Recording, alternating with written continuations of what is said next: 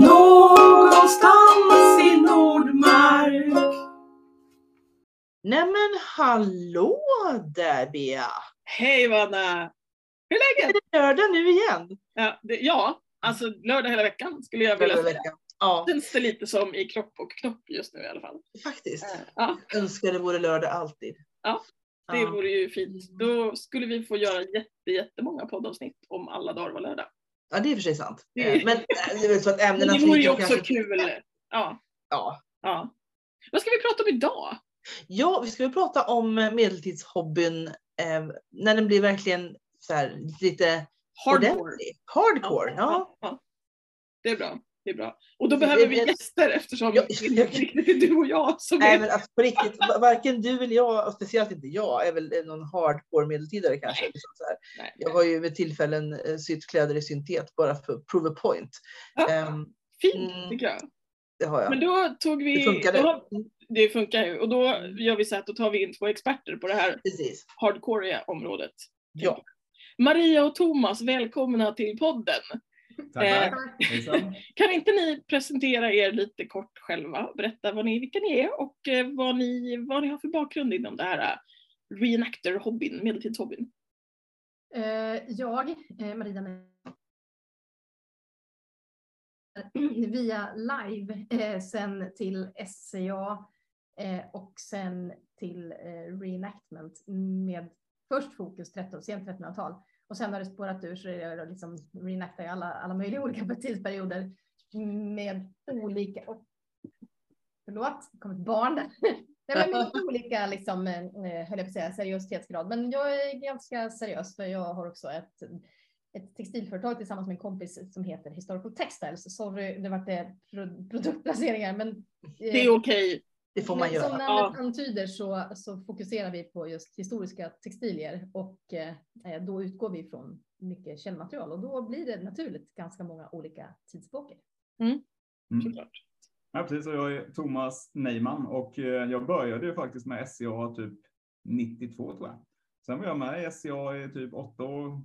Eh, och, men jag gick över då till att vara med i det här Nordrike efter den här grova splittringen och all konflikt så var det. Men jag var fortfarande kvar i SCA fram till början på 2000-talet.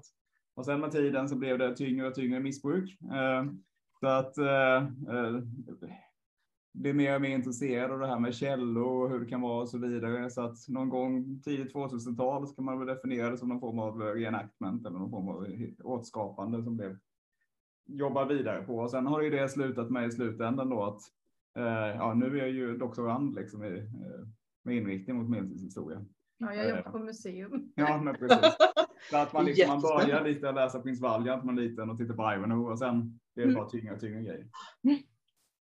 Det är, resa. Det är jättespännande. det är jätteroligt att höra. Vi har varit inne på det tidigare i den här podden också. Det är ju väldigt många som, alltså, vi har ju pratat med andra människor som kanske inte är jätteaktiva i SCA idag, men har varit det förut, eller som eh, har, är lite till och från. Och det är lite grejen också, att det är, så här, det är fullt tillåtet att vara med i en massa olika föreningar. Man kan ha lite SCA om man vill ta det jäkligt lugnt och bara chilla. Eh, och man kan vara med i någon förening som håller på med 1800-tal. Och man kan vara med i någon som håller på med 1361. Och man kan vara med i någon som håller på med, med 1400-tal. Alltså så, här. så att det går ju liksom att plocka de här godbitarna av det man tycker är kul. Och de allra flesta skulle jag säga som jag har stött på och pratat med både i podden och utanför håller ju på med olika tidsperioder. Det är väldigt få som har bara en enda som man, Mm. som man Ja, gör. men, men så är det ju. Och, ja, men för min egen del så eh, jag var ju, jag är ju sån här återfallsbrytare, dyker upp emellanåt och säger hej och går på Lucia och såna grejer. Så att liksom, kontakten är ju liksom inte släppt, även om jag inte är sedan i alla fall 2004, 2005 någonstans, jag är inte betalande medlem längre i föreningen, men jag var också revisor ganska länge och Mm. eh, har också haft en sån här fin ärofylld titel och suttit som förstinna i Nordmark. Så att, eh, Ja, det är många som inte vet det, eh, vilket är ganska så här, eh, mitt okända SCA-förflutna. Men ja, Det är bra. Jag vet det. Jag vet det. du vet det. du, ja, Ja. men, du vet ju allt. Jag Nej. tänkte säga, det du inte vet inte värt att veta. Precis. Man frågar Vanna om det är någonting man behöver information om. Liksom. Mm. Så det, ja, men spännande. Det vi tänkte att vi skulle prata om idag nu när vi snackade lite, lite skämtsamt här i inledningen om det här med hardcore medeltidande. Det är ju då såklart Battle of Visby Mm. som är ett, ert li, lilla höll jag på att säga, det ska jag absolut inte säga, ett projekt som ni, ett jätteevent som ni Mm. roddar var tredje år. Mm. Mm. Det har blivit vart tredje år. Ja, precis. Hur, hur, hur, hur började det? Var, var, hur kommer det sig att ni och kom på den briljanta idén att ni, vi måste ha någonting som är specifikt för det här, det här, de här- det här slaget, eller de här slagen? Ja, men Det är började- Thomas fel. Ja, precis. Okej, Det var egentligen runt Etablerat det. 2008 började jag inse att det snart skulle vara liksom 650 år sedan invasionen på Gotland 1361, så här 2011 då. Mm. Eh, så då började jag skissa på en eh, projektplan som skickades till Medelsveckan, blev liggande på bord för i dålig ekonomi och så vidare. Sen hände det inte så mycket förrän egentligen 2010 då där vi hade en annan av våra kompisar då, Peter Ahlqvist, som blev väldigt uppspelt av det och tjatade igång oss rätt som att vi egentligen kände att det här Eh, kanske är lite sent, det här borde vi börjat med flera år innan förbereda. Men då, så blev det liksom så, eh, att vi körde igång det här projektet. Eh, och sen genomförde vi 2011 och sen har vi genomfört det 2013 och sen har det 16, 19 och sen nu 22. Och nu är det ju så att nu har jag och Maria tagit en mer och mer tillbakadragen roll och nu är det ju liksom en, en grupp på ett 20-tal personer som håller på rolla. Ifrån de här tre som gjorde det första gången där vi liksom efter veckan knappt mindes vad vi hade gjort för att det var ett sånt jäkla stressmörker allting. Så att man, man var med, när veckan var slut så visste man att man gjort någonting. Man hade vaga minnen av veckan, men inte riktigt. Nu är det lite lugnare. Så. Nej, men det, det, som var, det som var lite kul var det att när Peter fick någon slags feeling, han hade suttit och druckit pilsner på Gotland, för Peter Ahlqvist hade aldrig varit med sveckan förut. Så han åkte dit 2010 och var så här, jag måste uppleva det här. Alla har varit med sveckan utom jag. Han kändes lite utanför. Och så satt han och krökade med en kompis och så fick de lite feeling och så pratade de om det här, för Thomas hade väl typ haft något så här brandtal vid något tillfälle. bara, det här måste göras. Och då så klurade de ut liksom Jan-Åke och Peter, liksom att det bästa sättet, det var ju att inkludera olika organisationer på Gotland. Och en solklar organisation var självklart Svenska kyrkan. Så vid något så här, ja, då knallade de helt enkelt in på pastorsexpeditionen och bad att prata med biskopen, som då inte var på plats. Men lite dragna så fick de, de liksom gick igång, ja ni garvar, men det var verkligen sant. De, jätteroligt. Där är biskopen, visa biskopen. vad ska biskopen? Ja, men så att de, ja, men det är liksom så här, det här är jätteviktigt och liksom, det här är superviktigt för liksom att prata om den gotländska historien. Hur kan man liksom lyfta upp den och hur kan man få den att bli levande? Hur kan vi liksom få en kontakt med liksom dåtiden genom nu- nutiden och så här. Det här gör man på andra platser i Europa. Det här måste göras. Och den här eh, som pastorsexpeditionskvinnan eh, kvinnan blev ju helt så hon grät och bara ryggdunkade och sa ni måste göra det här. Så Peter kom hem och så, så pratade han med mig, jag satt på jobbet. Eh, och så eh, bara chattade han på Facebook. Liksom, ah, men det vore skitbra, så här, men jag, kan, jag startar en Facebookgrupp. Jaha, ja, jo, men det är nog en bra idé. Så hette den så här The Official Battle of Visby, bla bla bla, 1361, någonting sånt.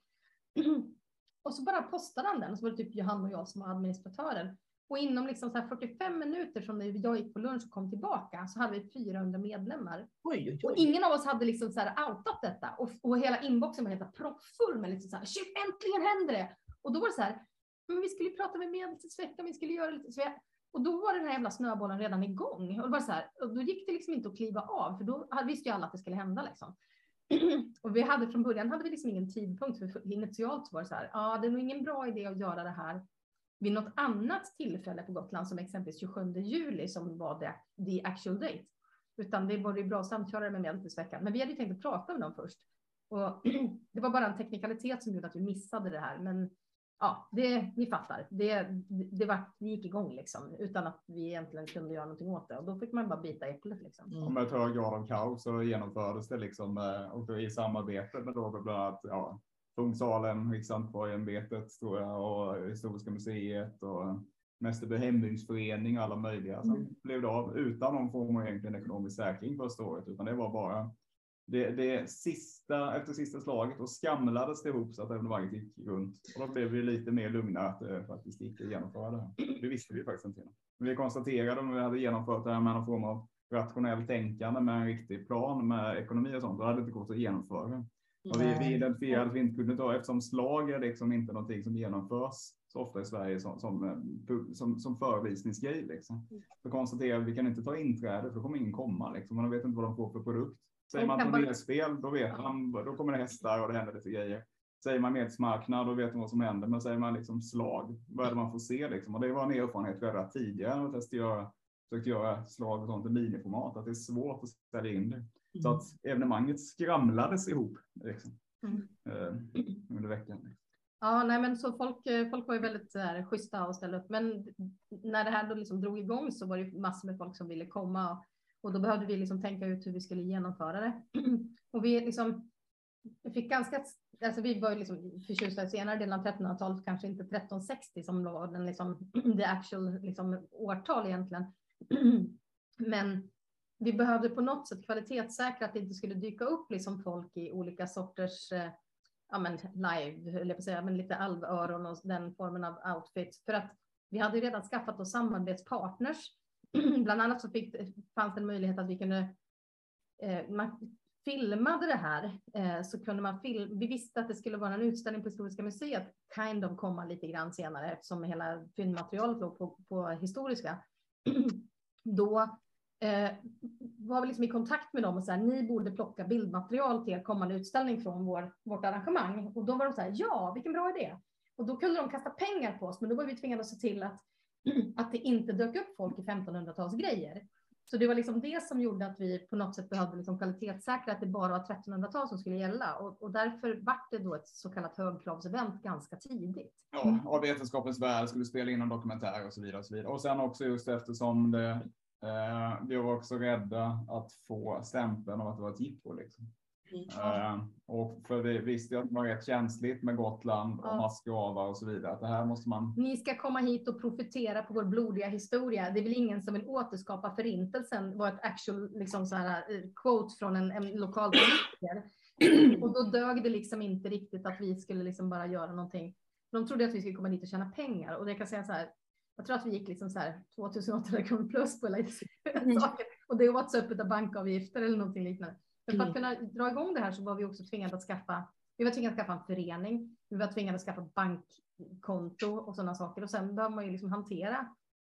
Liksom, vi insåg ju ganska snabbt att ja, men om vi har ett läger som vi måste avgränsa så behöver vi på något sätt liksom släppa in turister i organiserad form och så där och att man kan inte bara släppa in folk utan vi behövde ta Det betalt. finns vakter också, som måste avlöna människor och sådär. Ja, precis. Ja, men så, Mm. för alla, ställde, upp- alla ställde upp gratis. Och många, eh, det här var liksom så pass tidigt så att det fanns fortfarande ganska mycket pengar i kultursektorn i Europa generellt. Så det var ju påfallande ofta vi själva hade åkt iväg på ev- evenemang liksom i Italien där vi fick reseersättning för vår resa. Men vi hade inte den möjligheten att kunna ersätta folk. Så då var det så här, take it or leave it liksom. Och eftersom det också var en så pass ett så pass långt evenemang så fanns det väldigt stort incitament för människor att åka hela vägen från eh, mitten av Italien och södra Polen och sånt. Så att folk ville komma och det är ju så att massgravarna är ju världskända och det, de är extremt, alla känner till dem. Håller man på med 1300-tal så kan man det här materialet. Hur stort var det första gången? Och då tänker jag liksom just deltagarmässigt. Eh, minns ni hur. Ja, men jag tror att vi prickade in på 480 deltagare varav 350 bodde i lägret. Det är inte så långt ifrån vad vi kör nu också. Nej, jag skulle Mm. fråga. Jag tänkte liksom, om det har skett en utveckling eller om det är så att de, de, har, de som verkligen gillar det här hittade det från början verkar det som då. Mm. Det Ja, liksom, men så, så var det. Vi hade, en, vi hade en liten dipp 2013 för då var det liksom, då var det bara två år in, alltså tills det hände igen. Just det. Och det var aldrig självklart att det skulle hända en gång till. Men det var liksom helt plötsligt var det ett krav från de som hade deltagit att det här händer väl nästa år också. Och vi bara var ju chockskadade så vi bara nej, det kommer inte hända nästa år. alltså, jag tror inte det är bra. Jag håller också på med saker som händer vartannat, vart tredje år. Och man, man sliter ut sig så himla lätt om man gör det för Ja. ofta. Och då blir det Eh, måste. Och då blir det inte kul. Nej, men det funkar inte. Nej, men så att vi, vi var något färre 2013 Mm. eh, och sen identifierade vi ganska snabbt att vi kunde liksom inte göra det 15 utan då var det så här, äh, ska det hända igen så får det faktiskt vara ett år återhämtning, ett år liksom planering, ett år genomförande. Och så- Mm. Sen har det alltid varit som, som eh, den 1300-talsmiljön i Sverige är rätt, inte så jättestor. Liksom. Så att där har vi använt mycket våra kontakter vi har internationellt. För vi har liksom ända sedan början på 2000-talet egentligen åkt på grejer i Europa. Liksom. Började man och åkte på någon marknad någonstans och sen utvecklas det. Sen börjar man känna, sen börjar man komma in i de här olika reenactment-arrangemangen som är i Europa. Liksom. Men visst har 1300-talsmiljön blivit större i Sverige Oh, efter, efter Battle of Visby? Jo, men och det, och det kan man också märka lite grann för att när, liksom, särskilt i, liksom i, i kölvattnet av sådana här Facebookgrupper som vi som syr medeltidskläder och det som dök upp liksom i samband med den här sju dagar filmen och sånt.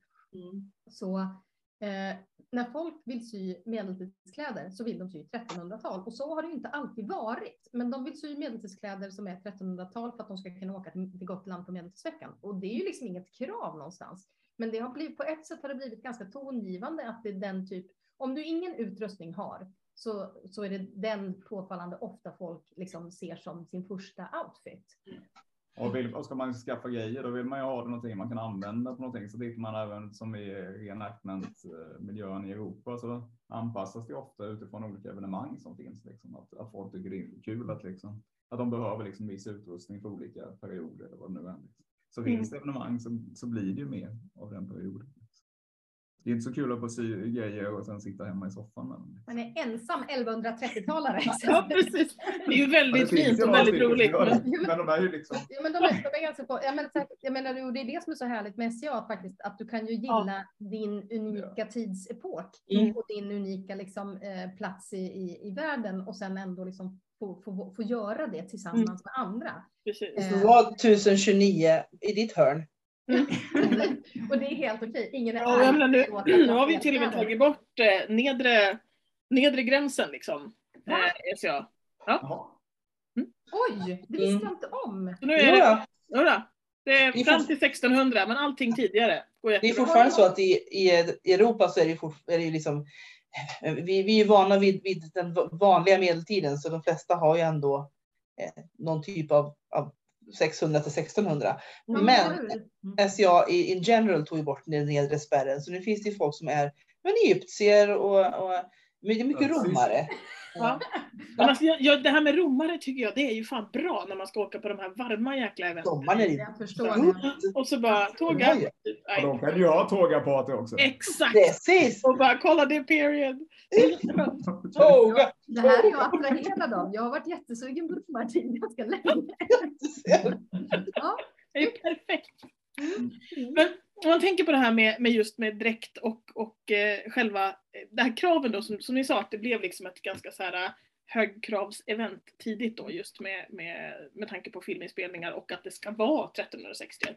Mm. Eh, hur, hur gör ni för att, eller om vi börjar så här, eh, vad, vad är det man ska tänka på då? Om man nu vill åka och vara med, liksom, är det någonting grundkraven eller vad man ska säga? Vad behöver man veta? Får alla vara med? Eh, alla får ju vara med, men som sagt var kravet är ju det är en utrustning som passar inom tidsramen 1300 till 1400. Eh, och då är det liksom på klädesdräktsnivå. Tänker du campa så ska du ha campingutrustning då som funkar inom den här tidsepoken. Fast tält har vi sträckt ut så de ligger liksom mellan 1200 och 1470 för att kunna göra det lite mer.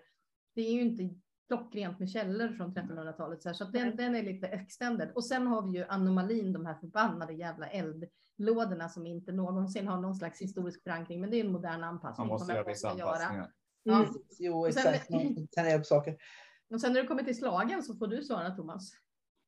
Eh, nej, men precis. Där försöker vi göra anpassat. Alltså, vi har ju, generellt i läget så är det mellan 13 till 1400. Det skiljer sig lite i utrustningen där inom den perioden, men då försöker vi göra, uppmuntra folk att anpassa utrustningen lite så att man kanske plockar av sig lite av de där stora harnesken och så vidare så att man får till lite mer den stilen som där hela enheterna får lite mer känslan om mitten av 1300-talet. Liksom. Nej, men, men sen ska man också säga att det är ju egentligen alltså en, typ om man tittar som en kille exempelvis rent dräktmässigt så är det typ en bockstensmansdräkt liksom. Alltså Mm. det är ju där, det är jättebra. Liksom. Det, Ja, det- det man behöver är liksom ett, ett par skor, ett par hosor, en, en kjortel. Eh, och sen kan det vara trevligt kanske ha någonting mer, om det är någonting jag har på huvudet. Och där kan man ju ta en struptätta. Liksom. Det är inte mer komplext än så egentligen. Ja, på, på damsidan är det ju exakt samma sak fast du har korta hosor och en lång kjortel. Mm. Och sen bör du också ha eh, någon form av huvudbonad om du inte gör en historisk frisyr. Eh, så, och sen så har vi då att man inte ska ha, alltså har du tatueringar så ja, men då får du ha kläder som, liksom, som täcker dem då. Eh, sen så finns det ju liksom alltid sådana som har knogtatueringar eller någonting liknande. Ja men det är jävligt svårt att göra någonting åt du är Barbro exempelvis. Sen har vi då det kanske det mest provokativa i hela vår eh, liksom, grej, det är att vi inte tillåter moderna glasögon. Ja. Därmed inte sagt att man inte får ha linser eller för den sakens skull eh, historiska glasögon. Och det är ju också kanske en, vad ska jag säga, en, en anomali för att historiska glasögon har ju kanske varit mest förbehållet för personer i form av skrifts, ja men abbedissa, liksom munkar och grejer. Men det skiter vi i. Utan det är så att all, behöver du, kan du inte ha linser så kan du åtminstone ha historiska glasögon. Sen måste man också komma ihåg att det är också helt okej att ha dålig syn på medeltiden. Eh, även om det kanske kan vara jävligt tråkigt. Men eh, eh, och det, nu är det här kravet också gäller människor från 18 och uppåt. Så det gäller inte barn som är medföljare och så. Men... De har inte valt Robin. De blir medsläpade av nördiga föräldrar. Ja, så är det. Det är väl rimligt. Ja, det, det är rimligt.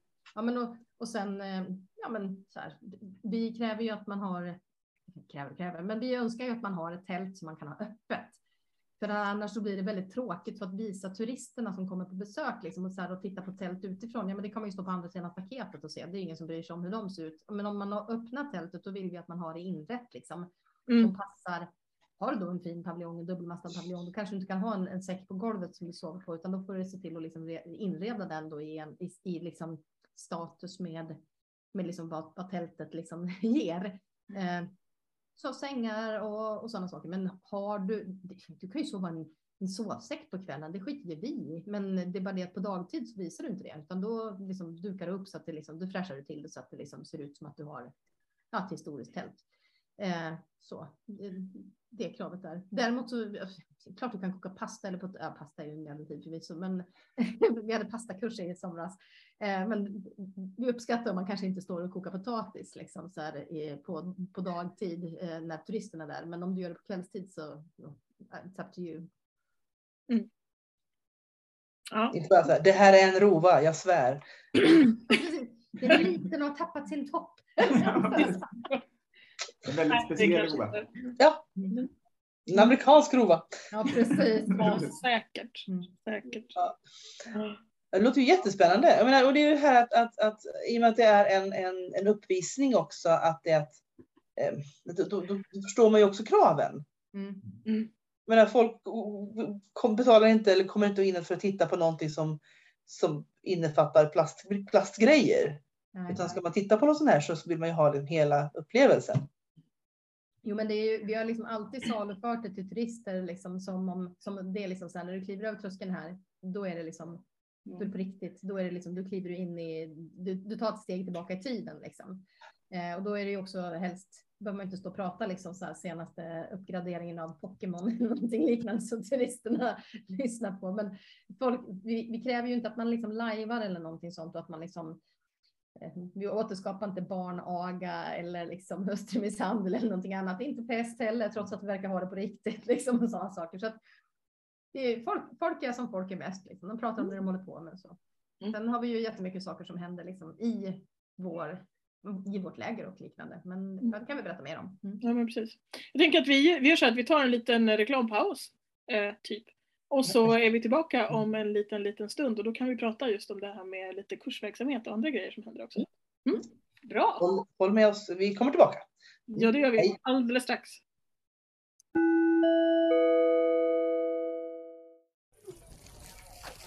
Jag heter Eirikur och jag lyssnar på Någonstans i Nordmark. Sådär då, välkomna tillbaka. Vi tänker att vi fortsätter, eh, vi fortsätter där vi var, höll jag på att säga. Mm. Eh, Vi var lite inne på det här med vad, vad som händer i bovlägret och så om man då kommer dit som besökare. Vi pratade lite om de här eh, strömmarna av turister som ni släpper in. Och lite aktiviteter, det är lite kurser och lite grejer. Vad, vad, kan man, eh, vad kan man komma dit och delta i om man liksom inte är en deltagare i själva evenemanget hela veckan? Man kan gå guidad visning. Mm. Så man får en, en, en ordentlig beskrivning av vad som händer. Beroende på vem som håller den guidade visningen så kan man få dem antingen på tema barn eller på tema textil eller tema våld eller tema mat eller lite olika så här. Beroende på vad de, den ja, guiden har liksom för specialkompetens. Och sen har de lagt upp liksom sin, sin guidade tur liksom i lägret utifrån hur den personen liksom gillar. Men då har vi, som nu i år då, då såldes de och så var det så här, nu är det matvisning, liksom, nu är det matguidning. Och då kom det en jävla massa matnördar liksom. Så att, eh, ja, men det kan man delta. Eh, sen tror jag nog att det egentligen kanske inte är så mycket saker som man som besökare kan göra förutom att man kan titta på massa grejer. Men man kan liksom inte vara med och kasta boll eller liksom skjuta pilbåge eller någonting sånt. För eh, eh, det, är inte, det är inte liksom som en random medeltidsmarknad. Mm. Förutom när vi de facto har marknad. Det- Förutom när man de facto har marknad. Precis. Precis. Monday market. Ja, Och sen har vi brukar vi ha några stycken som kommer dit och faktiskt säljer saker i lägret också. just det. Mm. Eh, så är det. Eh, och sen eh, så blir det olika, det, blir olika, vi kommer in på striden senare liksom. Men att, att eh, vi har ju exempelvis mönstring och sånt, vilket leder till att det händer aktiviteter i lägret. Varför har man mönstringar? Det måste du förklara för att det fattar ingen. Alltså vi, vi mönstrar av de som ska slåss för att eh, se att de har utrustning som funkar, men även också att vi går igenom alla reglerna så att vi inte typ ska efter, inte, ja, ska stoppa in en, ett spjut i ögat på någon annan och så vidare. Det blir så dålig stämning då. Mm. Eh, Så att lite sådär då. Så att vi går igenom våra regler. Vi, sådär liksom. Men sen är det också så att det är många i läget som håller på med exempelvis hantverk och sådana Mm. saker. Eh, Och det, och det här evenemanget har blivit ett sådant evenemang så att det är många som liksom anpassar sig, alltså de internationella deltagarna som anpassar sig efter det här arrangemanget. Och exempelvis fransmännen kör ofta liksom typ så fransk hårbad eller tidigt 1400-tal. Men då klär de ner sig och sen sitter de typ, tar med en vävstol och sitter och väver istället. Så. För att visa hantverk istället för att det, de har märkt att det är en mycket större grej i, i, på det här arrangemanget. Ja, och det är ju sagt mycket matlagning är det ju såklart. Det är ju alltid kul att kolla på. Sen är det, vi har ju också hästar i lägret, vilket brukar vara en ganska stor kioskvältare. I år hade vi 16 hästar. Ja. Eh, Så det, och de är ju ute och tränar. De, de, liksom, ja, de sadlar på liksom och, och flyttar på dem, vattnar dem och har sig och ser det mycket hundar och grejer. Så det finns, på det sättet finns mycket saker. Det, det händer hela tiden saker. Vi har ju också ett krav på att våra deltagare inte tömmer lägret. Alltså, vi bedriver en zooverksamhet brukar jag säga. Och det är så där att om, om buren med lemurer är tom, då blir det väldigt tråkigt att titta på den. Ja, men så att det, det, vi, vi vill ju att folk ska göra saker, så det är liksom, folk har ju liksom lagt ner ganska mycket kraft på att liksom ha olika typer av liksom aktiviteter som händer, så att man inte bara stirrar på folk som, liksom, som sitter och, och, och dricker kaffe och liksom pratar vid ett bord, utan man liksom säger, ja men okej, jag gör nålar, ja men då är det det jag gör. Och så säljer jag lite nålar så här, eller jag spinner här och eh, har med mig mitt linbråka och liksom häcklar lin och liksom kör hela linprocessen. och Sånt. Eller jag syr skor. Så att det finns ju extremt mycket liksom hantverk och liksom så här fördjupa sig i. Och sen är ju alla som är här, jag tänker så här, vi är någon slags superexhibitionister emellanåt för att vi älskar ju att prata om det vi gillar. Så att eh, om det är någon som mot all förmodan liksom säger, ja men vad gör du för någonting? Och då är det bara, åh, kolla, finns en intresserad person. Och då bara suger man in dem och så kan man ju liksom prata hål i huvudet på dem som de inte liksom hittar därifrån. Så Rätt vad det är så har man liksom så här annekterat människor. Så, men det finns, det finns jättemycket saker som man liksom, ja, men bara man är liksom själv som besökare öppen för att liksom ställa lite frågor och vara lite nyfiken och inte vara så där svensk-finskt blyg och rädd för att liksom ställa frågor, då, ja, men då kan man stanna ganska länge. Så idealet egentligen är 450 in och se- och 500 ut. Precis. ja, nej, men det, det blir liksom. Det- För, för varje år så har vi då ett antal människor som bara, hur kan man gå med? Hur kan man vara liksom så här, hur får man gå med i det här? Mm. Så att det är alltid ett himla stort liksom, intresse för att folk är sugna. Vi har också haft kryssningsfartyg som har kommit och hälsat på liksom, tidigare som har liksom, köpt guidade visningar eller någonting liknande. Och de var det väldigt kul att ha visningar för. Vi får visa dem. Men vilka länder, alltså vilka länder är det som de kommer ifrån egentligen? Alla, alla- alla medverkande. Du sa fransmän. Eh, Ja, det, brukar ligga runt, eh, nu ska vi se, i år tror jag det var typ 16. Eh, så om man tittar på totala spridningen med olika länder som har varit representerat hamnar det ungefär på 20 stycken. ja. Eh, tittar man år på de som var längst bort ifrån, de var ju från Australien, var det ett, en handfull. Det var väl Amerikaner eller blev en, precis, en eller två från USA. Sen är det ju de många, många europeiska länder från eh, Storbritannien, eh, Frank, Belgien, Nederländerna. ner till Italien, österut.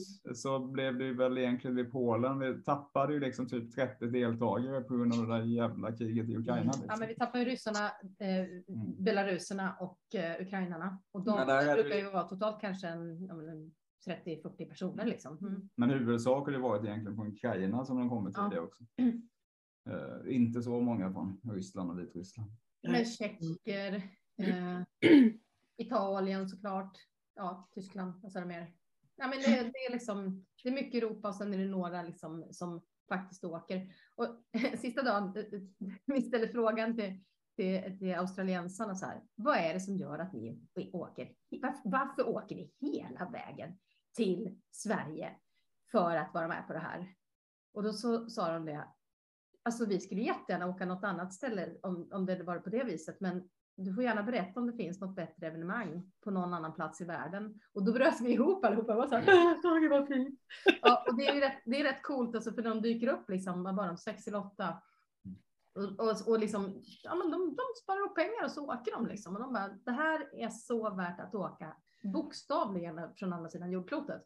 Det är den bästa recension man kan få egentligen. Helt Ja, fantastiskt. faktiskt. Ja. Ja. Ja, men då, då lägger de liksom två, tre veckor liksom i Europa. Så åker de till Middellandecenter i Danmark och passar på liksom och bor. Så de kör all in medeltids liksom, semester. Mm. Så det är jäkligt häftigt. Och så kör de då liksom, bokar de in då så här museitour liksom i Stockholmsområdet eller i Köpenhamnsområdet beroende på var de flyger någonstans. Så det, det är supercoolt för att det är ju så att jag tänker så att många som, som dyker upp som åker långväga, de kör just en sån grej. De stannar till eh, på vägen och liksom besöker olika platser så att vi liksom, det blir liksom som en eh, medieval circus liksom så här med lite tour stops över hela Europa eh, beroende på var man kommer ifrån då. då. Och Mm. eh, eh, jag menar, det är jättemånga som stannar till och tittar på Kalmar länsmuseum och det är så här, va? Ja, men för, då hör de av sig innan, så ja, vi ska åka från Tjeckien liksom och så åker vi bron här och så, så tar vi, eh, vad har vi på vägen? Ja, vad vill ni se? Och så bara, ja, men vi gillar 1600-talet. Ja, men då får ni inte missa kronan, kronanutställningen på Kalmar länsmuseum. Ja, shit vilken bra grej. Så att det är ju extremt mycket sådana här saker som sker också i, i kölvattnet liksom, utav eh, den, här, den här typen av arrangemang. Så att, Mm. eh, jag, bara, jag kan inte ens liksom föreställa mig hur många liksom, hundratals liksom, kulturbesökstimmar som uppstår liksom, när folk rör sig mot ett, liksom, ett gemensamt mål. Mm. För att man liksom, behöver en paus och då lägger man in pausen. Liksom, för Fantastiskt. att kolla in liksom, Mm. olika platser på vägen. Men hur hittar de er då? Hur hittar man liksom, du pratade förut om, om andra eh, reenactment-äventyr ute i Europa och sådär. Hur hittar man dem? Jag menar, i SCA, I SCA kan vi säga att vi har liksom så här, ja, men, kanaler, det är Silversparren, det är Dragon's Tale, det är lokala tidningar liksom.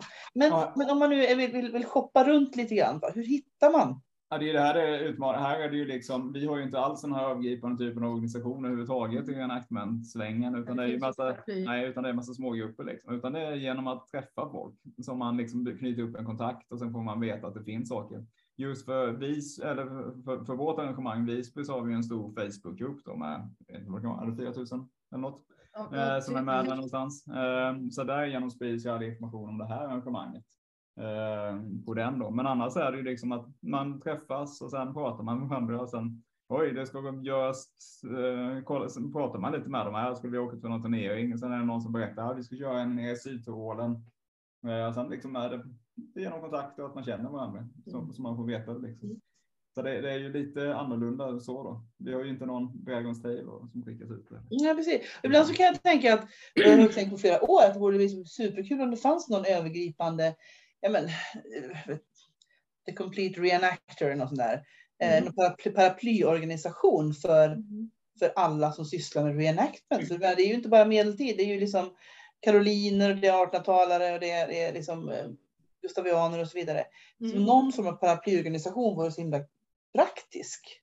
Det hade varit jättepraktiskt. Jag försökte nämligen sälja in den idén till, till nämnden för hemslöjdsfrågor, att de borde liksom fokusera på det här. Att jag borde få bli eh, reenactment-konsulenten på en nationell nivå. Men de fattar inte hur stort liksom, hantverksintresse, eh, de Nej. fattar inte hur mycket hantverk som lyckas överleva på grund av, eller tack vare, att vi historienördar är så genuint eh, intresserade av att lära oss som, som Mm. sysslar med hantverk. Eller liksom, att vi, vi kan inte köpa våra grejer, eller det kunde man inte göra när jag började i alla fall. Eh, utan vi är ju liksom kulturbärare utav hantverkstekniker. Och det är ju en av anledningarna till att vi också lägger ganska mycket krut på att just göra workshops för deltagare i, i liksom, Initialt så började jag skrev en projektidé när jag utbildade mig till hemslöjdskonsulent om att man skulle göra liksom någon form av hantverks liksom, insats. Som hemslöjdskonsulenterna borde åka liksom till, eh, till Medeltidsveckan och göra lite grann som så här slöjd liksom, aktiviteter. Som typ det har varit på Hultsfred och sådana saker way back. Liksom. Eh, men det var ju en idé, men när vi drog igång Battle of Visby så, så var jag också, det skavde lite grann för att det är ju ett väldigt hårt och blodigt arrangemang på ett sätt liksom. Det är ganska mycket plåt, det är rätt mycket killfokus som man säger då. Eh, och det är lätt att hamna i hockeyhustrufacket som brud i den här kretsen. Och det, det, jag gillar inte det, jag blir helt stressad av det. Det är så här, man ska åka 250 mil och sen så ska jag liksom hänga på Thomas hans rostiga ringbrynja och spänna remmar och sen så ska jag liksom stå och laga mat med hans ut och slåss. När han kommer tillbaka så ska jag liksom ta av honom hans svettiga grejer och hälla. Badda mig på pannan. Precis. Och så här, och det blir lite så här, what's in it for me? För det är väldigt lätt att som tjej bli serviceinstitution. Eh, och eh, ska man då åka liksom jättelång tid, vara borta skitlänge, Eh, och, eh, och sitta liksom i ett tält och mögla. Liksom. Nej, men det går ju inte. Så då bara, men vad fasiken, här finns ju jättemycket kompetenta människor som kan massor med olika hantverkstekniker. Mm. Så då drog jag igång det här med workshops, att man, eh, man kan hålla, alltså, jag brukar ha ganska god koll på vilka som sysslar med olika tekniker, så satte jag ihop ett workshopsschema. Och så var det ju då ett sätt för folk som, som hade åkt långt och jag visste att du har åkt långt och så kommer du hit till Sverige och ska bo här. Så om vi kör en kurs både att vi då tar ut, liksom, vi, Battle Visby som organisation hanterar liksom anmälningsavgifter och tar emot betalningar och sen så betalar jag den som har liksom haft kursen och så tar vi ett lit, en liten administrativ avgift för detta. Så blir det liksom ett, en aktivitet som sker i lägret, det vill säga det finns något för turisterna att titta på. Mm.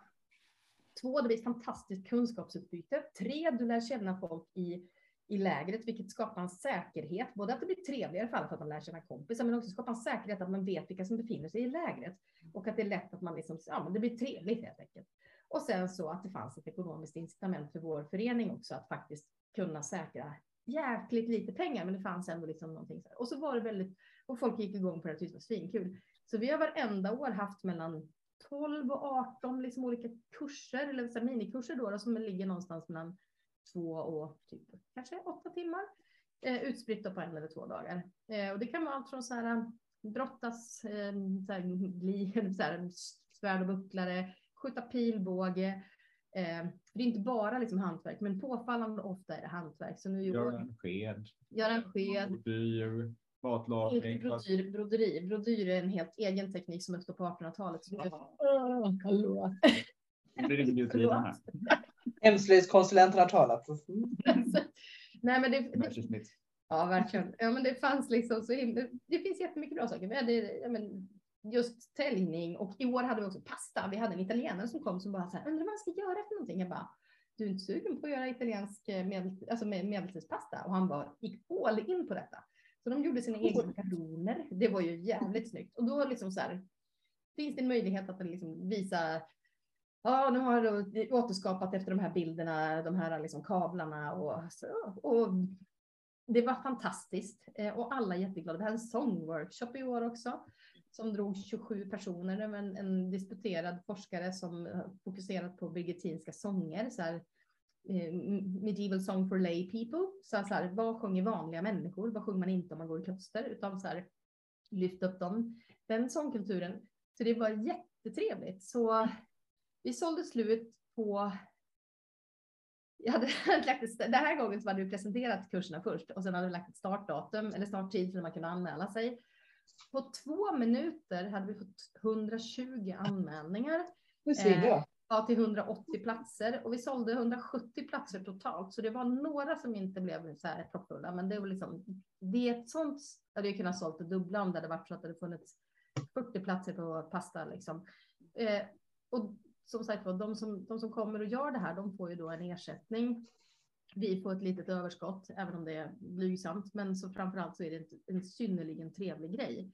Eh, och väldigt många hör av sig så här, ja, men jag vill jättegärna gå till workshop, hur ska man anmäla sig? Bara, ja, du är inte anmäld till arrangemanget.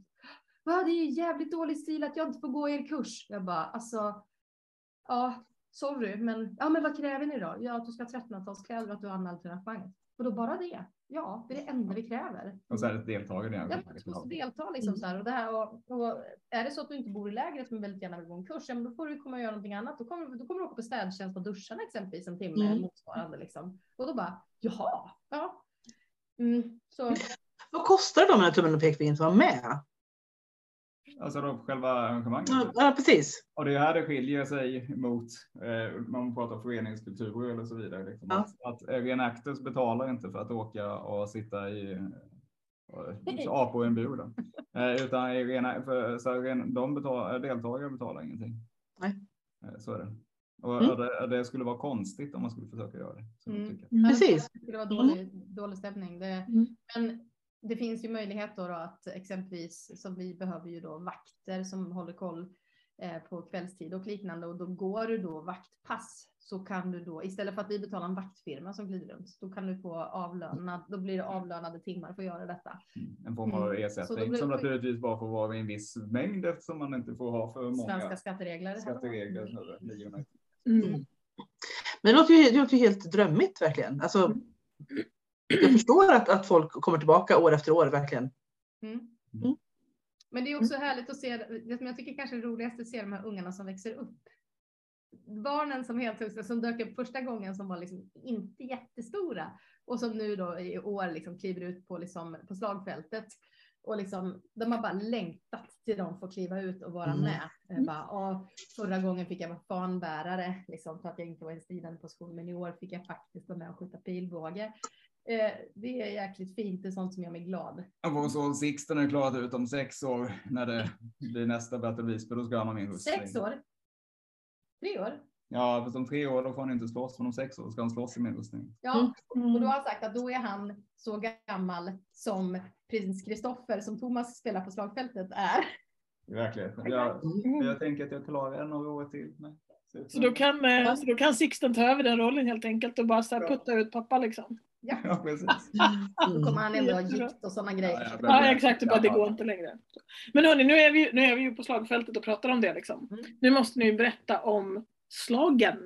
Mm. Det är Ja, faktiskt precis. bara ett. Utan Eh, det under, under veckan genomför vi två eh, slag, eh, två uppvisningsslag. Dels nere i Mästerby som var den platsen där det första slaget stod egentligen. Det var ju på grund av Mästerby som det överhuvudtaget blev ett slag inom Visby eftersom Mm. konkurrenterna förlorade den striden nere vid Fjällmyr då vid Ajmundsbro där. Så det slaget visar vi och sen visar vi ett slag i Visby utanför ringmuren som sen leder till de här massgravarna nu som är eh, rätt kända. Liksom. Eh, och där har vi försökt göra egentligen det, det vi försöker göra är en, en form av uppvisning där vi dels försöker visa ett händelseförlopp. Liksom. Man försöker eh, göra det lite, ska båda vara intressant och på sätt och vis lite kul att se på eh, samtidigt som man ska få lite av en historielektion. Liksom. Eh, så att där har vi en konferencier som, som berättar vad som händer och sånt. Och, det brukar vara eh, professor Dick Harrison då, som berättar liksom, eh, hela bakgrunden och så vidare. Och det här är ju liksom semikoordinerat kallar vi det, så att vi har liksom bestämt stora saker. Liksom. Nu ska de här gå hit och göra sådana här saker, men sen så händer varje enskild individ är inte liksom koordinerat utan de gör lite vad de, ja, inom ramen för manus då ska man göra lite olika saker. Men där försöker vi visa, liksom, sen för att det inte ska bli glorifierande om krig också, försöker vi visa liksom, eh, de aspekten, de, eh, riktigt hemska aspekten av krig med allt ifrån för att för det, kommer det in hästar och massa folk i rustning, då blir det lätt att alla så här, wow, you- wow. Utan då försöker vi liksom hålla ner det och få folk att förstå att det inte riktigt bara är eh, liksom, någonting att jubla åt. Liksom. Så har vi exempelvis med flyende civila. Mm. Eh, själva slagen, efter slagen så slutar det med liksom att då ligger ju folk stupade eh, på, på fälten. Liksom. Eh, och sen övergår till en minnesstund. Liksom. Så vi försöker också där bygga upp då att man har olika känslor, att man upplever olika saker under det här arrangemanget. Så man både ska känna att det är häftigt och lite kul, men man får gärna ha lite ont i magen också för det är rätt obehagligt samtidigt. Då. Och i olika skeden kan man känna olika saker under den här slagen. Det är ju jätteviktigt för det är ändå riktiga människor det handlar om. Är det några som har klagat på er för att ni liksom glorifierar Nej. Nej, innan, innan första gången hände så fick vi ju då som sagt var lite skäll av några kommunpolitiker på Gotland som tyckte att vi skulle glorifiera det här och att vem fan vill titta på krig liksom. Eh, och då var det tack och lov någon annan i kommentarsfältet på helagotland.se som bara eh, finns. Jag har sex hyllmeter av krigsfilmer i min DVD-samling liksom så här. Jag kan komma på många som vill titta på krig. Eh, så att det, det, liksom, det var ju lite dålig stämning. Men sen har, när vi väl har visat det så har det Så inte det varit det. Det har det har varit tvärtom snarare. Liksom. Ja, och i och med flyktingkatastrofen 2015 så 2016 slag var faktiskt där, det var väldigt känslosamt, framförallt när Flyindustrivila kom på fältet. För då var det folk som, som bröt upp och grät i Mm. publiken. Och det, det var väldigt starkt. Och det var lite samma känsla i år. Ja, det var så här, andra associationerna. Ja, och Mm. som Medeltidsveckan hade väl kanske också lite svårt att pitcha liksom så här och göra en reklamkampanj av det här arrangemanget liksom innan eh, innan eh, eh, var vi var på plats liksom för att ett år med liksom ett, ett krig i Europa och, och så där, det, det är lite svårt att pitcha det liksom så här. Kom och kolla på ett krig. Alltså det hade inte varit snyggt. Eh, men Det gjorde det handlar ju inte- om alltså, det. vi- visar att det handlar om historia. Ja, men det hade lätt kunnat missförståtts liksom att eh, det här är en, det här är en historielektion eh, snarare än liksom en, ett eh, jippo. Ja, och det brukar man ju se ibland i kommentarstrådar när det liksom det är folk som har varit med att de beskriver jag trodde jag skulle komma till något jippo, men det var ju inte det, det var snarare en historielektion. Mm. Mm. Och det är så det ska vara. Det, då, har- då är det gjort på rätt sätt. Ja, Ja, men det, det känns som så. Och det är också väldigt viktigt att vi både liksom så här, ja, men vi sätter tonen med de flyende civila. Och i år så hade vi en, en ny grej att när minnesstunden liksom skulle dra igång eller när folk var döda så var vi ett gäng som hade Solberga klostersysterdräkter och också leksysterkläder. Så när slaget var över då, eftersom det är de systrarna från Solberga som får ta hand om de döda. för det är där massgravarna grävs sig Ja. på. Liksom. Så då eh, raggade, det var Amikas briljanta idé, min co-partner i företaget. Eh, och så bara, men vi borde vara systrar. Ja, och så fixade vi lite, vi, hade vita klänningar och sen så pinpointade vi så att det fanns ett gäng kvinnor i lägret som faktiskt hade vita medeltidsklänningar eller vit-ish. Och sen så, så såg vi till att alla fick eh, svarta dok som man kunde lägga ovanpå sitt vanliga dok och sen så också sådana här mörkbruna skapulor som hänger över då, som här förkläde. Och sen så hade vi då ett antal, raggade vi upp ett antal kvinnor, för man behöver ju gå ut och vattna de här människorna som ligger här ute för att de, har- det är ju sol och det är varmt och de är liksom törstiga. Eh, så för att säkerställa att folk faktiskt inte, inte dör av värmeslag. Så då gick vi runt liksom och letade efter döda, så, så här, ja, letade. Mm. Och eh, gav folk vatten och så, men då, och då var det också så där, oj, just ja, folk dog på riktigt liksom så här. Så att vi fick ganska mycket bra återkoppling av, av just det här och, att, och alla de som var med i det här leksysterpaketet och liksom de som gick ut så här, de var så fantastiskt, liksom så här, kom och tacka efteråt för att vara så här, jag har aldrig satt min, jag har hållit på med det här 25 år eller 30 år liksom, och jag har aldrig satt min fot på ett slagfält. Det var väldigt starkt. Och det var fint. Det tyckte Mm. jag var härligt. Det är Otroligt bra feedback. Mm, ja, men det var, och det var sådär, och de var så stolta över att de hade fått komma ut liksom, och titta på folk och så hade vi då valt ut några som var så att säga överlevare liksom, och, Mm. eh, och liksom släpade ut dem därifrån eftersom det faktiskt finns då människor som man tror överlevde slaget också som Mm. har begravts liksom, som har dött senare. Liksom, så. Så att alla i arrangemanget har ju plats i de här aktiviteterna och har en viktig roll för att liksom visa en helhet. Just det. Mm. Ja, det, eh, nej, men det här är inte bara liksom, men att försöka visa hur, hur krig påverkar ett helt samhälle. Eh, det, det är en, en väldigt stark drivkraft hos oss. Att, så här, det, är inte bara männen som går ut och är coola och kanske dör eller vinner. Eh, och för det, liksom, det, det drabbar alla andra runt omkring.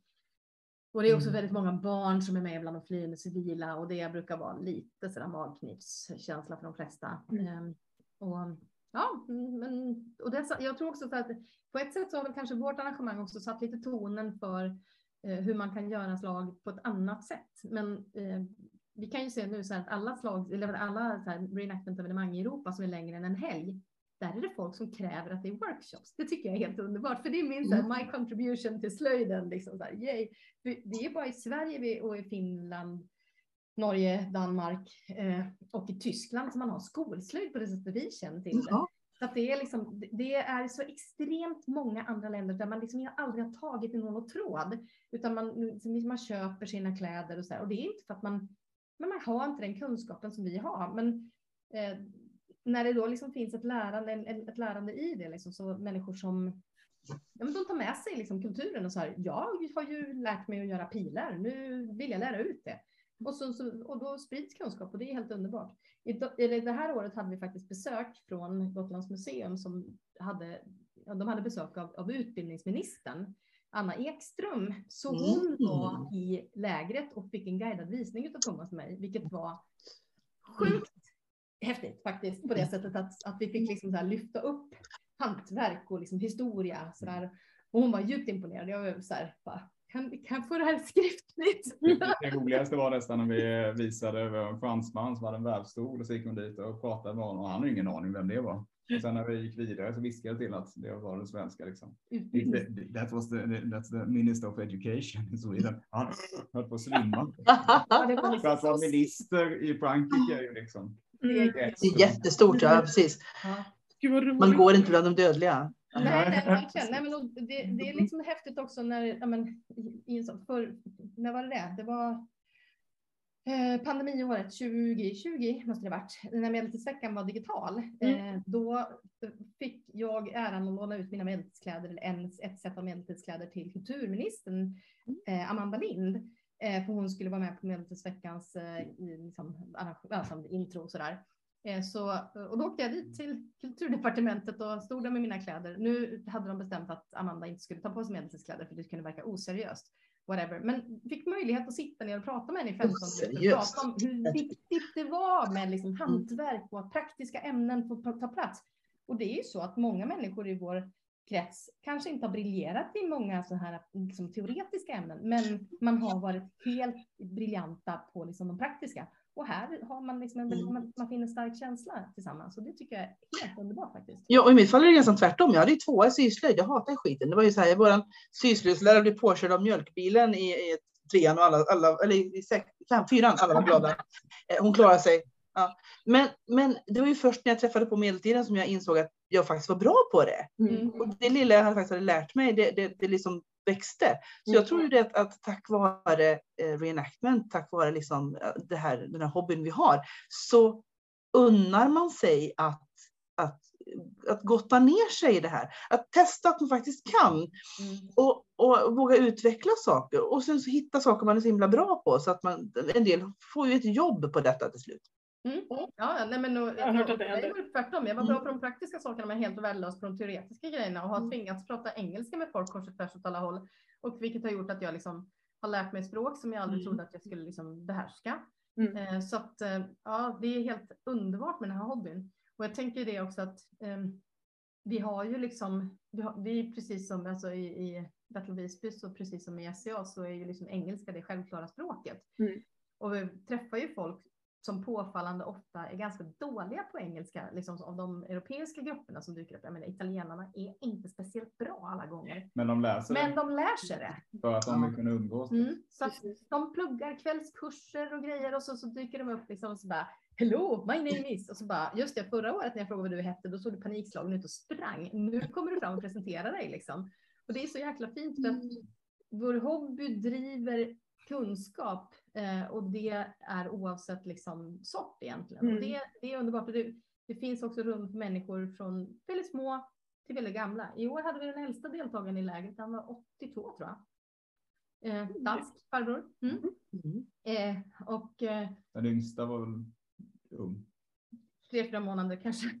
Det är liksom så här, jag menar, den, den, hobbyn finns för hela livet. Mm. Eh, nu kanske man inte är frivillig som tre månader, men man är ändå liksom med från, alltså, och man växer in i det. Och jag menar, våra barn pratar ju liksom obehindrat engelska och det har de gjort från de var ganska små. Mm. Tack vare att de hela tiden gnuggas mot det här. Så det är ju helt underbart att man eh, faktiskt liksom får vara i en kontext. Och också som Amikas dotter sa, det är helt underbart. Det är 500 personer som alla leker. Ja. Det är ljuvligt.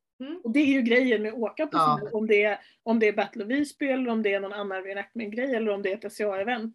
Det är ju precis det som är prylen. Att Mm. alla är där och leker Mm. oavsett hur gammal man är. Liksom. Det Ja, spelar nej, det är ingen helt roll. fantastiskt. För att det är bara för att ha roligt liksom. Mm. Eh, och man samlar 300 av sina bästa kompisar på ett och samma ställe och så börjar man där och latchar liksom. Ja, det är så. Ja, Men också att det så, så välkommet liksom sker ett avbrott mot det moderna som är att Mm. Jag, här, jag tror att jag har fyra bilder från of Visby. Jag har Mm. från med telefonen och jag var så glad över att jag gjorde det. Mm. För det är så här, men jag kommer exakt ihåg hur det såg ut och hur det luktade och vad jag Mm. åt och liksom vilka jag pratade med och de här bitarna. Jag försöker liksom att vara liksom i nuet när jag är i de, liksom i de kontexterna. Sen är jag ju härligt glad över att det finns andra människor som har tagit bilder så att jag kan säga ja just ja, ja. Mm. Så här. Men jag tycker, att det, jag tycker att det är skönt att faktiskt få ta få ett avbrott. Och det är väl någonting som sammanlänkar eh, oavsett Mm. föreningar och sånt. Att det är den här typen av hobby, eh, historienörderi eller vad, vad, i vilken form man än gör det så handlar det Mm. om att träffa människor. Liksom. Mm. Och Ja, men det är det ju verkligen. vi känner så många i SCA också för det är så många roliga Ja. människor. Ja, Men precis. Ja. vi Och just det här är ändå som vi sa över hela världen också, att det liksom Mm. blir en sån här att folk reser inom den här hobbyn. Eh, Många av australiensarna är asiater. Mm. Ja. Precis, och då har någon just varit det. där och så har de liksom hört talas om att det finns en aktiv, det är väldigt aktivt i Sverige, då kommer de hit och så, ja. Mm. Det är liksom, Ja, och nu när det finns fler föreningar, liksom, det finns ju något, någonting för alla. ja. Det är det som är så himla bra. Och, och, och då frågar jag mig igen då, liksom, om man nu känner efter det här programmet att fasen, eh, jag, jag vill vara med nästa gång. Då är det då 2024, 5, 2025. Mm. Mm. Eh, vad gör man då? då? Om man, nu, med en gång efter programmet är sänt. Vad ska man göra? Om man har Facebook, eh, om man, om man hänger på Facebook så ska man absolut gå in på the official, eh, the official eh, Battle of Visby page. Vi kan säkert ge er en länk som ni kan lägga upp någonstans. Där händer det liksom, alltså, när information börjar spridas så har det varit liksom vår startkanal, men vi finns också på Instagram. Och sen om man vill läsa om själva arrangemanget, vad vi liksom, lite mer allmänt, vad vi, Mm. vi de facto ja, har för exempelvis eh, dräktkrav och så vidare. Eh, då finns ju det på vår hemsida också. Ja, battleofvisby.com. Visby Ja. med dubbelt V, ska vi också Mm. tillägga. Just Mm. det, Visby. Visby, men det är Tord, Bengt Tordmans fel. Ja, Så att- det är det. Bam! Ja, den gamla arkeologen. Mm. Det är bra. Men Så har ni det? Det, det är det. Och sen är det överhuvudtaget sådär, just om man liksom hänger på Facebook eh, så kan man ju alltid så här posta någonting, leta efter kompisar, fråga om det Mm. händer saker. Eh, raggarsy, träffar och liknande. Så då är alltid folk som nappar och det spelar ingen roll. Nu pratar vi på svenska så jag tänker så här, det är kanske svenskar som dy- dyker upp liksom i största eh. Men det, folk är extremt hjälpsamma. Sen finns det ju alltid en annan rövhatt som är liksom typ Man får ta rövhattarna med, med, med. Och sen är vi ju lite lagom konstiga allihopa, för det, för det är vi ju liksom. Men Ja. snälla! Ja, 99 av 100 är snälla. ja, ja men det måste man komma ihåg. Mm. Och så, jag, kan säga så här, jag skulle vilja passa på att ta chansen och slå hål på några myter så där, som faktiskt eh, eh, hänger över Do it. reenactment-communityn. Det är det att vi brukar inte dyka på folk så där på stan och tala om att dina skor har en felaktig söm. Eh, we don't. Eh, och vi går heller inte in i folks, liksom så här, kliver in i folks tält och vänder upp och ner på deras väskor och, och beslagtar medicin och deras tandkräm? medicin och tandkräm och tandborste, som ryktet säger. Där- Eh, Okej. Där, vi kan inte åka till Battle Visby för vi, jag äter medicin, jag äter Levaxin mot mitt sköldkörtelproblem. Va? Vem väntade jag, jag också? Jag har den i min väska. Så att det här är sådana här myter som finns, att vi, ja men vi kanske är hårda, men vi är ju inte idioter. Mm. Och jag skiter väl i om du har, Nej. så länge du inte ställer den på bordet kommer jag inte säga någonting. Och även om du ställer den på bordet kommer jag säga åt att möjligen plocka ner den. Inte, jag kommer inte hälla ut den. liksom. Mm. ja, Skönt, det är bra. Det är bra, det är bra att förtydliga känns det som. Ja, jo men Det- faktiskt, jag har hört Ja. det så många gånger nu så att det är Mm. liksom. Om det nu är- det, det känns ju nästan som att vi skulle kunna göra ett, e- ett helt avsnitt bara om, om fördomar eh, gentemot eh, anakronister och eh, reenactors. Mm. För det, det, det florerar ju överallt. Oh, ja. Jag tror att- att- I det fallet man hittar en person som, som påpekar sömmarna på skorna, då har man hittat den där rövhatten. Mm. Ja men eller hur? Och det är liksom Det är den den personen som är grunden till alla de här ryktena. Ja, ja, det finns en liksom. Mm. Ja, Hittar vi den personen, ta med den hit. Mm. Det finns ju, klart det finns sådana också. Liksom. Ja, precis. Så är det. Men det är, det är inte alla liksom, återigen. Nej, gud nej. inte alla reenactors liksom. Nej, precis. En annan sak som man kanske måste säga också, det är det att det krävs inte att man är med i någon förening för att vara med på Battle of Visby. Nej. Däremot så krävs det att man registrerar en grupp den gruppen kan uppstå just där, just då. Det kan heta enhörningens pung eller vad fan som helst. Liksom. Alltså det, Eller Thomas Neymans förening. ja, Kan man Thomas Neyman åka på? Eh, Ja, men man kan, man kan liksom hitta på sitt eget namn eh, och, så, och så den här gruppen kan innehålla en människa eller den kan innehålla 60 människor. Ja. Eh, men eh, eh, Det är en teknikalitet helt enkelt. Det, det, Ja, ser otäckt ut på hemsidan. Men, men det är bara en teknikalitet. Mm. Ja. Men det är för att vi sa den som anmäler en grupp blir också den som anmäler ett läger ifall man ska bo i lägret. Och jag är kontaktperson. För vi kan inte ha liksom 60 personer som alla anmäler läger för då blir det ju lite ohanterligt. Så att det är Ja. bara så här rent praktiskt. Mm. Det är bra. Då- jag Det blir ett långt program. Ja, men det här blir ett Jättelångt. program, men det är bara roligt. Men då Ja. tänker jag så att det, det man kan ta med sig är ju att det är ju faktiskt inte så himla svårt att få vara med och vara deltagare i Battle of Visby. Nej, till och med du har ju fått vara med Barbro. Ja men till och med jag, men det var innan jag hade handtatueringen. Det var innan. Fast jag fick, då det fick jag ta ut, jag fick ta ut min näspiercing då kommer jag ihåg. För den fick jag inte ha på mig. Ja just det, ja, ja just det, piercings. Ja, inga, inga sådana moderna Den, smycken. den Nej. tog jag bort då. Ja, jag har ju inte varit i Visby sen, eh, på Medeltidsveckan sedan 97 så jag kanske måste liksom eh, återta min Men plats. eh, 2025 Vanna. Ja men det kanske det vet du. Ja, Och då är det ju annat som har ändrats på medelsveckan också, så som du får upptäcka. Eh, Lite ja grann. men gud ja. Jag fick höra att, att Valdemar inte brand, brandskattar någonting längre. Jag blev mycket Nej. besviken. Jag tänkte han kanske går till pension. Eh, Ja, Just den Valdemar har gått i pension. exakt. precis. Det var nog tur det kanske. Ja, måste Mm. fräscha upp saker ibland och byta grejer. Mm, Absolut. precis. Ja. Ja. Nej, men det, det, det är kul. Jag tycker det är roligt. Vi åker ju faktiskt, vi gör ju familjesemester och så åker vi till Gotland på Mm. Varje år. Eh, när det inte är inte. Visby. Då åker man ibland till Tofta strand eller hänger på medelsmarknad eller hänger med Ja, exempelvis er när vi hinner med, för det hinner vi inte göra så mycket när det är of Visby. Det hinner vi inte med alla våra kompisar från andra så mycket. Mm. Det hinns ju med lite mer när det är vanliga, vanliga medeltidsveckan år liksom. Ja, men då kan man ju ta del av så här föreläsningsutbudet och sådana saker. Så Ja. att, eh, det, det tycker jag är trevligt. Ja. Precis. I år hade vi bara en föreläsning som var liksom knuten till Battle of Visby. Eh, Mm. Men tidigare så har det varit liksom fler. Eh, det var på grund av reasons och eh, tidsbrist helt enkelt. Så Mm. eh, det är sånt som får, det, kommer, att- det får komma tillbaka. Det finns Ja. alltid liksom en, en, en lång lista på det här ska vi börja göra. Mm. Och eh, inte allt på den listan hinns med. Men då finns det Nej. förbättringspotential. Så. Alltså, ibland får man ju liksom inse att det finns begränsningar med ens, ens tid och hälsa och så också. Att man liksom Va? behöver ta det lite lugnt. Hur menar du Man nu? ledig lite ibland och bara ha kul också. Ledig.